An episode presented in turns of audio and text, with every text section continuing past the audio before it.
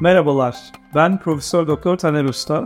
Endometrioz ile Hayat Podcast kanalıma hoş geldiniz. Bugün bir konuğumla aslında çalışma arkadaşımla beraber bu podcast'i gerçekleştireceğiz.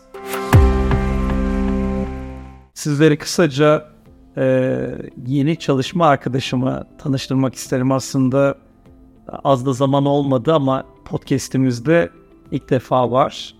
E, sevgili Sıdıka Büyük. E, Sıdıka Büyük bize özellikle endometrioz araştırmalarında e, veri toplanması, veri analizi e, bu hasta grupları ile ilgili bizim e, kalite çalışmaları ile ilgili e, deneyimlerinden faydalanıyoruz. E, ama bir taraftan Sıdıka aynı zamanda da e, yaşam koçu. Çok farklı donanımları da var. Ara ara bizlere de bu konuda kılavuzluk ediyor. E, bugün e, onunla beraber bu podcast yayını gerçekleştireceğiz. Sıdıka hoş geldin. Hoş bulduk hocam. Çok teşekkür ederim öncelikle. E, ben de çok teşekkür ederim katılımın için. E, şimdi bugün e, ilk konumuz endometrioz teşhisiyle ilgili galiba değil mi? Evet. Bugün neyi konuşacağız? Senden onu alabilir miyiz kısaca? Yeni endometriozis teşhisi aldığımız bir hastada süreç nasıl ilerliyor? Ee, bize tabii çok sorulan sorulardan ve merakla cevap beklenen sorulardan bir tanesi bu sevgili Sıkı biliyorsun. Sen de birçok endometrioz hastası görüyorsun. İlk tanıyı koyduktan sonraki dönem hakikaten belki de en farklı olan dönem.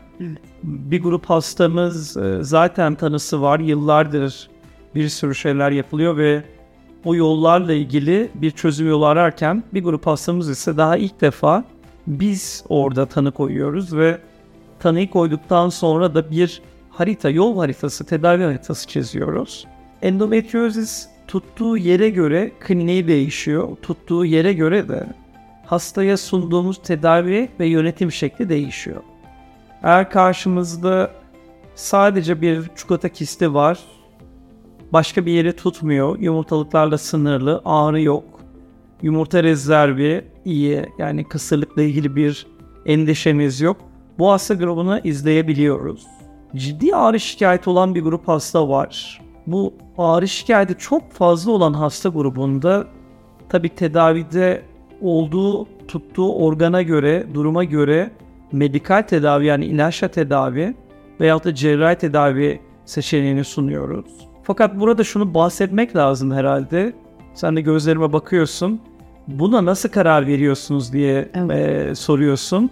E, buradaki en önemli şey tanı yöntemlerini sonuna kadar kullanmak. Yani hastayı çok iyi dinledik. Tanıdaki belki de en önemli aşamalardan biri bu. Çok e, hastayı iyi dinlemek.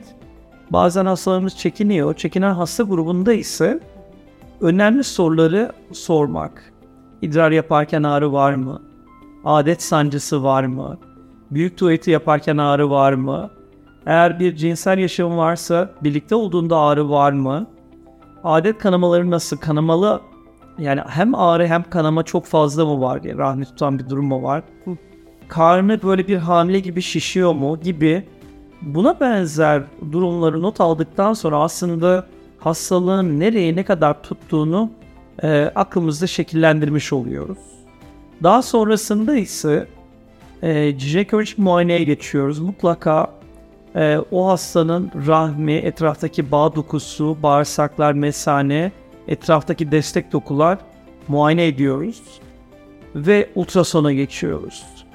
Ultrasonda da sadece yumurtalıkları değil, rahmi, ön tarafta mesane, arka tarafta rektum yani dışkının depolandığı bağırsağın son bölümü buralara mutlaka dikkatli bir şekilde bakıyoruz. E, aşağıda çok büyük bir tutulum nodül derin endometrioz varsa böbrekleri de ultrasonla değerlendiriyoruz. Dolayısıyla e, ultrason burada tanıda çok ciddi bize katkı sağlıyor.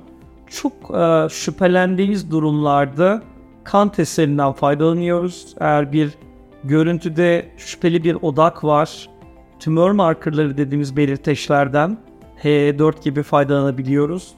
Tekrarlayan ameliyat hikayesi olan grupta ise özellikle MR, manyetik rezonans görüntülemeden faydalanabiliyoruz. Dolayısıyla hastaya tanı konduktan sonra ilave bu teşhisin e, daha doğru olduğunu ortaya koymak için, daha da detaylandırmak için ek e, ilave e, testlere başvurup ondan sonra da tedavi kısmına geçmiş oluyoruz. Endometriozis teşhisi alınmış olan bir hastada sürecin nasıl ilerlediğine dair çok güzel detaylı bir şekilde anlattığınız için çok teşekkür ediyorum Taner Hocam. Sılka çok teşekkürler.